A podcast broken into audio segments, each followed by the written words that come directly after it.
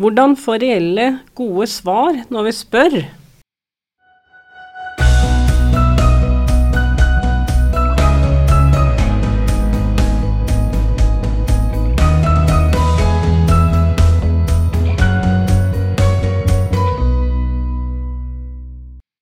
Du lytter til Veiledningshjørnet. Vi er en del av Veilederbua, opplæringskontorets podkast for deg som er instruktør for våre lærlinger. I Veiledningshjørnet hjelper vi deg å fylle verktøykassa med metoder for veiledning, slik at det kan bli enklere og morsommere å være instruktør. Jeg som prater nå, heter Gro Blomdal, og sammen med meg sitter min kollega Lise Ødemark.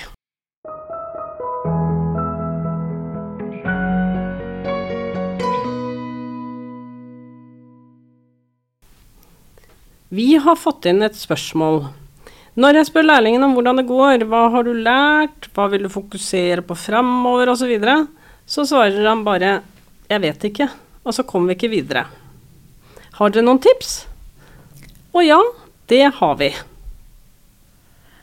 Ja, for Tidligere så har vi vært inne på at spørsmål bør være åpne, slik at du unngår ja-nei-svar, eller vet ikke, da.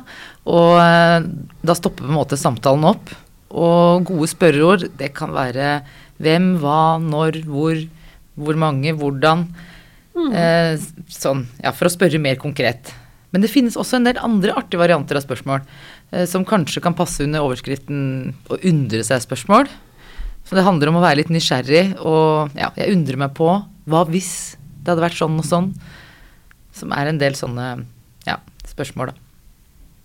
Ja, men noen ganger svarer vi 'vet ikke', fordi vi faktisk ikke vet. Det må jo være lov, det òg? Ja, det er selvfølgelig lov. Men da kan vi kanskje komme med noen sånne spørsmål som kan hjelpe til med å tenke litt sånn bakenfor. Da. Litt nedenfor. Rote litt i underbevisstheten.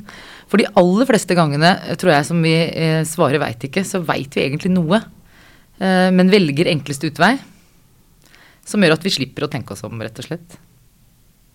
Ja. Og det er her disse undre seg-spørsmålene kommer inn, da. Og et, et, annet eksempel på et sånt spørsmål, det er Eller hva hvis du hadde visst? Hva kunne det da vært? Eh, hva er det som skal til for at sånn og slik? Hva er det du ikke veit, kan man spørre om. Hvis du veit hva du hva, hva er det du ikke veit? Hvis noen svarer 'jeg vet ikke', så vet kan du ikke. spørre Ja, hva er det du ikke veit? Eller hva om du hadde visst? Hva hadde, kunne det vært da? Altså, for da må man rote litt mer i underbevisstheten. Jeg undrer meg på, tenk om du hadde fått til dette her som du sier du ikke får til. Hva, hva hadde vært annerledes da? Og andre ganger så vil vi kanskje ikke svare, fordi at eh, det kan oppfattes som å skryte hvis man spør hva er du god på. Eh, eller motsatt, da. Komme med en innrømmelse om noe ikke går så bra. Ja, hva er det du ikke fikk til her? Det er ikke noe ålreit å svare på. Hvis, men hvis jeg spør deg nå, da, Gro, hva er dine sterkeste sider, beste egenskaper i jobben din? Ja, eh, så vet jeg ikke helt sånn på stående fot, tror jeg. Men uh... Nei, så da var det altså et vet, et vet ikke som hva, da. Om jeg hadde spurt en kollega av deg på opplæringskontoret, hva tror du hun hadde svart?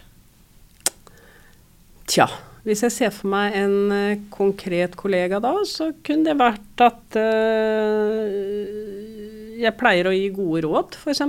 Eller det er lett å kontakte meg hvis hun lurer på noe. Ja. Er det en god egenskap? Ja, egenskapen er at du er god på råd, da. Og at du er, ikke er god på å si nei. Altså du sier ja. Du er god på å si ja.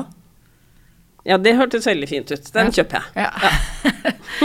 så, så, det er altså hvis man Til en lærling så kan man jo spørre en kollega. Man kan også si hvis jeg hadde spurt moren din, eh, hva hadde hun sagt? Jeg hadde spurt bestevenninna di, hva, hva, hadde hun sagt? Hvis det er noe de ikke liksom vil svare på, da. Eller motsatt, som jeg sa. Hvis det, det å komme med en innrømmelse om noe som ikke går så bra, Eh, så kan man jo kanskje spørre, hvis du skulle gi deg selv et tips da i forhold til, til hva du bør jobbe mer med framover nå, mm. hva, hva, hadde det vært?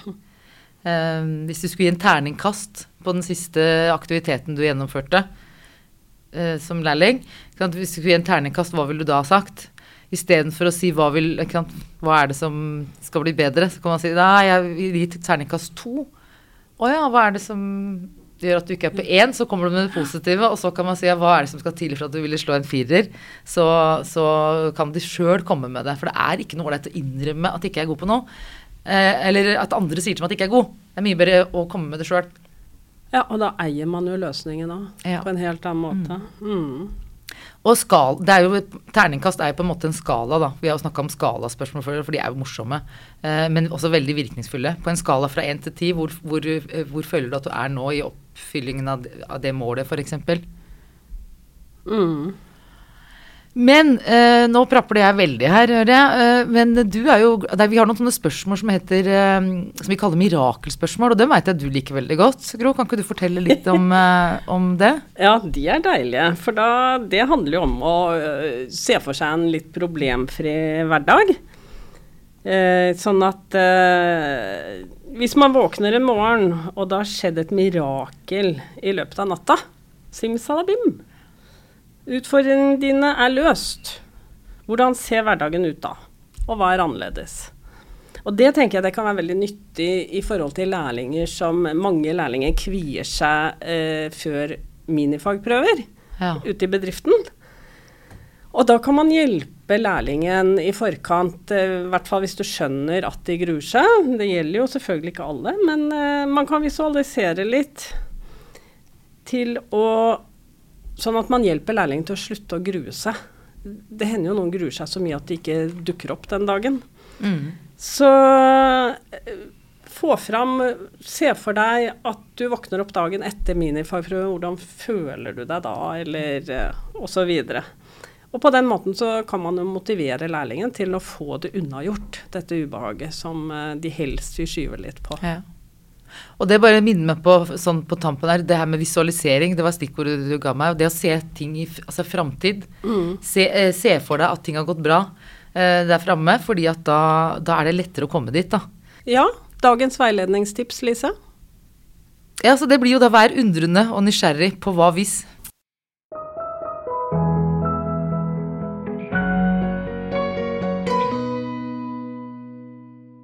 Veiledningshjørnet lages av Opplæringskontoret for helse- og oppvekstfag.